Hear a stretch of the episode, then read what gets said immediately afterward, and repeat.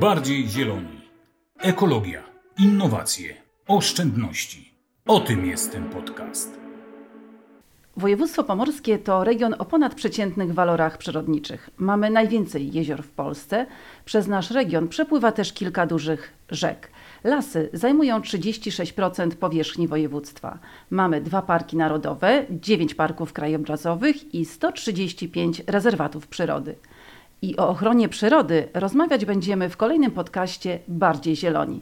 A gościem podcastu jest Teresa Jakubowska, zastępca prezesa Wojewódzkiego Funduszu Ochrony Środowiska i Gospodarki Wodnej w Gdańsku. Dzień dobry, pani prezes. Dzień dobry Państwu. Dzień dobry Pani, Pani Urszulo.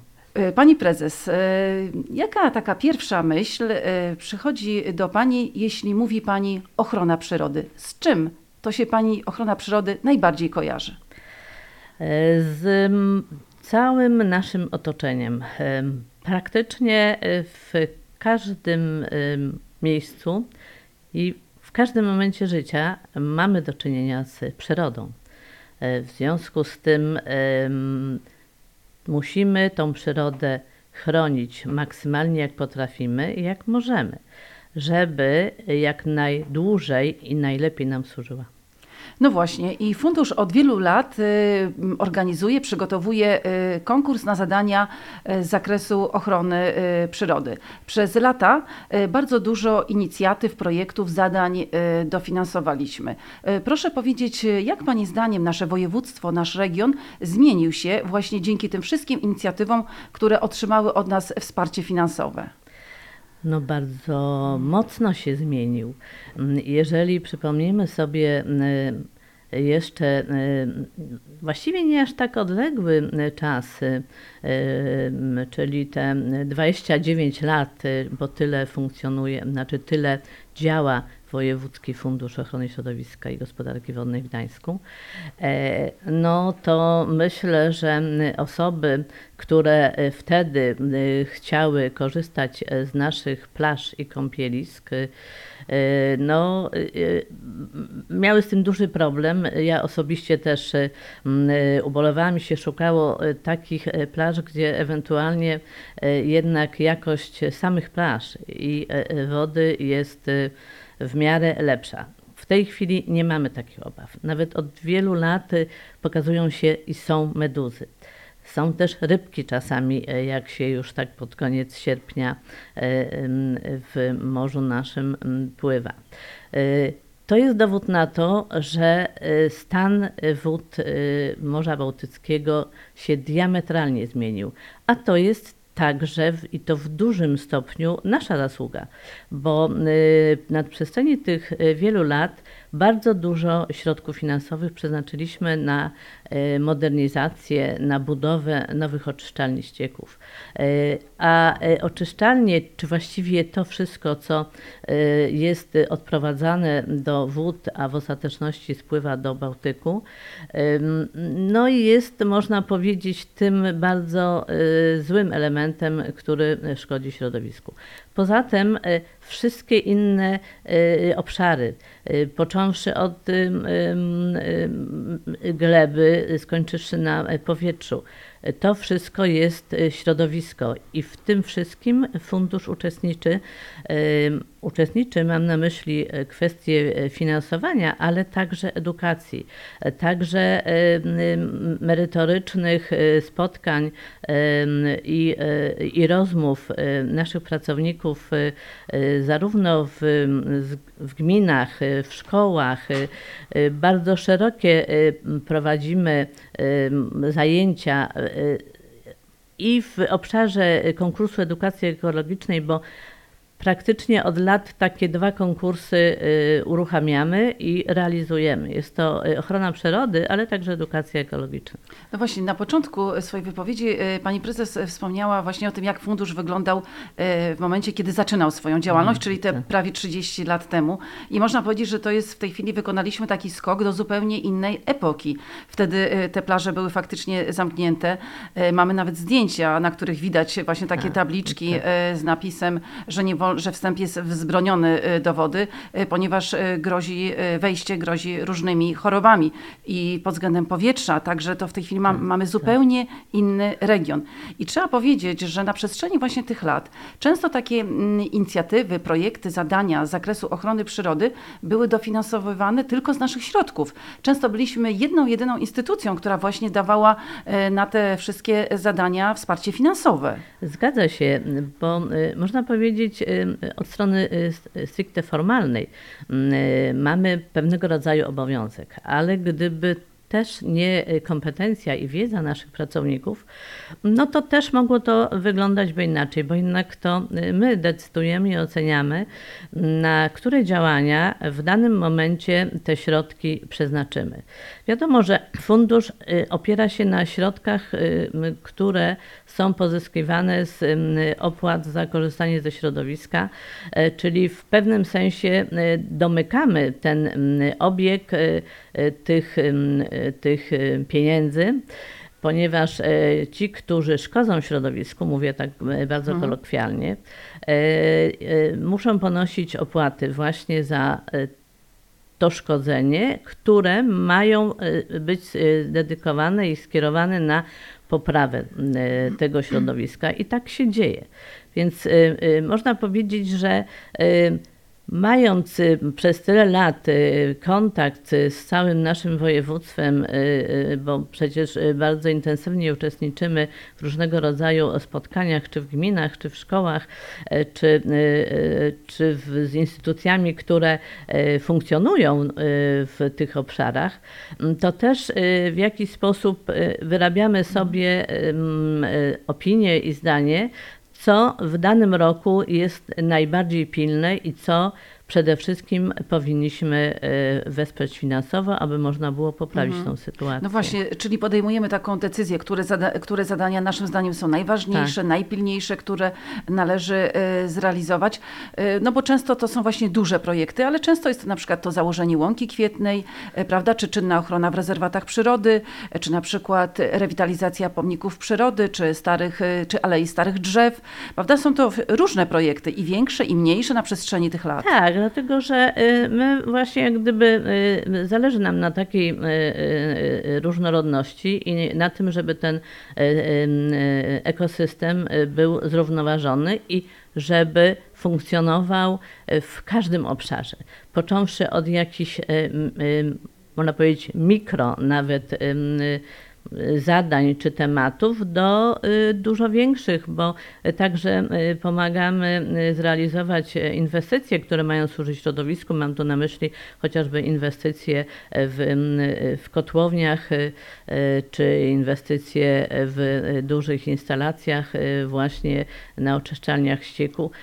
To są zupełnie inne obszary, natomiast dla nas y, to wszystko jest ważne i potrzebne, tylko przez to, że jednak środków mamy ograniczoną y, mhm. ilość, no to musimy tutaj jakoś wybierać.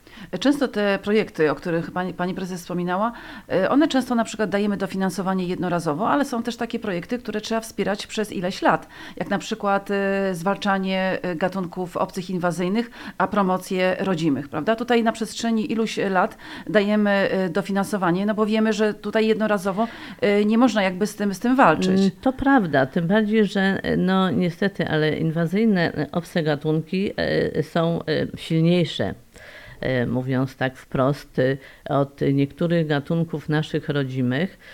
I naszą rolą jest właśnie e, także to, aby jednak pielęgnować i zachować nasze rodzime gatunki, a nie jest to łatwe w momencie, jeżeli w koło rzeczywiście coraz więcej jest gatunków obcych, coraz więcej, nawet jak się przejeżdża e, na naszych terenach kaszubskich, widzimy właściwie wszędzie e, e, tuje i inne rośliny, które są oczywiście piękne no ale z punktu widzenia charakterystyki naszego y, regionu, no to nie są nasze mhm. rośliny. Bardzo dużo na ogródkach działkowych tak, na, na ogródkach, jest w domach, mhm. Y, y, jako zielone płoty są realizowane, więc mówię, no to jest wizualnie, bo jest zielono, ładne, natomiast gdybyśmy naprawdę tak popatrzyli na to, żeby jednak pielęgnować i, i no, w pewnym sensie nie pozwolić na to, żeby y, znikły zupełnie nasze rodzime gatunki, no to jednak powinniśmy się koncentrować na naszych, na naszych gatunkach, które też są piękne. Są piękne malwy, które mogłyby mhm. wzdłuż płotu być posadzone, czy nawet nasze y, y, choinki. Mhm. Alternatyw jest masę. Wystarczyłoby tak. po prostu nawet y, zapoznać się z, z naszymi informacjami, czy na naszej stronie, czy y, wydajemy różnego rodzaju y, też opracowania, książki. Też takie opracowania robią różne fundacje, stowarzyszenia, które w tym obszarze działają. Mhm. Tam wszystko jest. Tak, po są wersje papierowe trzeba, i elektroniczne. Tak. Trzeba troszeczkę mhm. może jednak mhm. no, spróbować się tym, y, z tym zapoznać i, i, i mhm. tak małymi kroczkami, wszystko się robi mhm. małymi kroczkami. Ale suma summarum y, można efekt naprawdę bardzo dobry mhm. osiągnąć. Mam pani prezes czasami takie wrażenie, że tetuje to taka moda, bo tak, faktycznie tak, tak. chyba no one tak jakby y, powodują, że nie widać właśnie co się w środku tak, dzieje i tak, dużo tak. osób jakby dlatego je sadzi, ale tak jak pani prezes mówi, no taka chwila refleksji, zastanowienia się, że może są lepsze, rodzime i, no i korzystniejsze no, dla ludzi i środowiska. Więc warto o tym e, pomyśleć. Wspomniała właśnie pani prezes o roślinności. I chciałam zapytać właśnie o takie tereny y, zielone w miastach.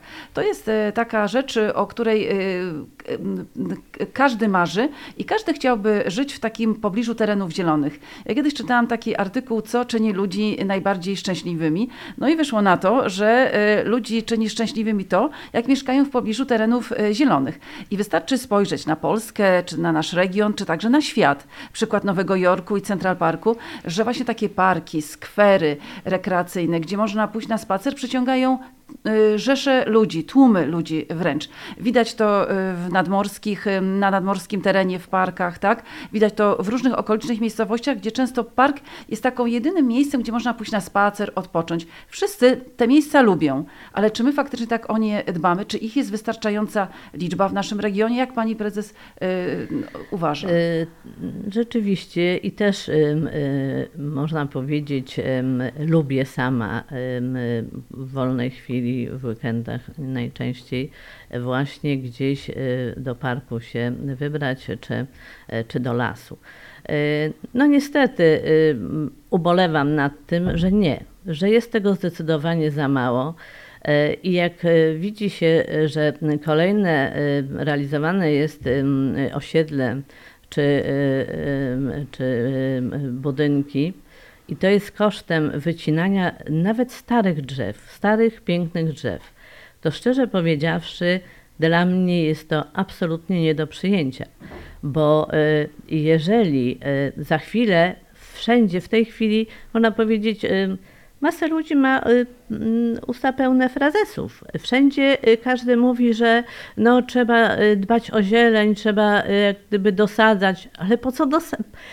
Można dosadać, ale jeżeli już są drzewa i się je niszczy, wycina, no to można powiedzieć, jest to pewnego rodzaju hipokryzja, bo y, nawet tu blisko y, naszej siedziby, jeżeli przyjeżdżam codziennie do pracy i widzę no, no tak szumnie nazwane Nowe Miasto, ja jestem przerażona, bo dla mnie to jest beton, beton na betonie. Nie widzę niczego zielonego. I mam świadomość, że później deweloper pewno w swoich planach ma umieszczone jakieś drzewko, że posadzi małe drzewko, ale przecież drzewko, zanim będzie spełniało swoją funkcję, to potrzeba przynajmniej 15 lat, 20. A, a ten czas mhm. do tych 15 lat mhm. to co? I, I dlatego zwłaszcza w Gdańsku. No wydaje mi się, że to jest nawet chwilami właśnie takie przykre, bo nawet na spotkaniach różnego rodzaju, e, no mówi się, tak, mówi się, e, przekonuje, że to jest ważne, że potrzeba. No, wychodzi się, y, że powiem, z budynku y, i widzi się, y, że kolejna jest wykopywane mhm. fundamenty, a na przykład całkiem niedawno tam było drzewo. Mhm. Ja osobiście na przykład mhm. bardzo ubolewam nad tym wejściem na Politechnikę Gdańską, moją uczelnię rodzimą gdzie w tym czasie, jak ja tam chodziłam, było dużo trawników i zielonych elementów.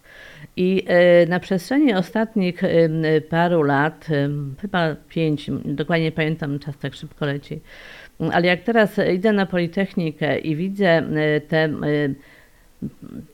ten, można powiedzieć, zabetonowany, ja powiem, to podstawowe, główne wejście przed mhm. głównym budynkiem, to jest mi po prostu smutno, bo jeszcze mówię, te pięć lat temu stały przynajmniej dwa szpalery zielonych krzewów. No właśnie, a jednocześnie I nie wszyscy... rozumiem, mhm. zupełnie mhm. nie rozumiem, bo to się kłóci. Mhm zarówno z logiką, jak i też z, z takim opowiadaniem o tym, mhm. że ta zieleń jest tak, tak ważna, bo wiadomo, że zieleń to też w dobie teraz y, tych y, klimatycznych y, kryzysów przecież jest bardzo ważnym, mhm. naturalnym elementem obniżania temperatury. No tak, oczywiście dają tereny zielone przecież schronienie tak. owadom, ptakom w upalne dni, drzewa tworzą mikroklimat, ale gdybyśmy pani prezes e, zapytali, no to by było pytanie retoryczne, prawda? Czy ktoś chce mieszkać e, na takiej betonowej pustyni, czy właśnie e, przy oazie, przy takich terenach zielonych? No tutaj nikt nie ma wątpliwości, bo wystarczy spojrzeć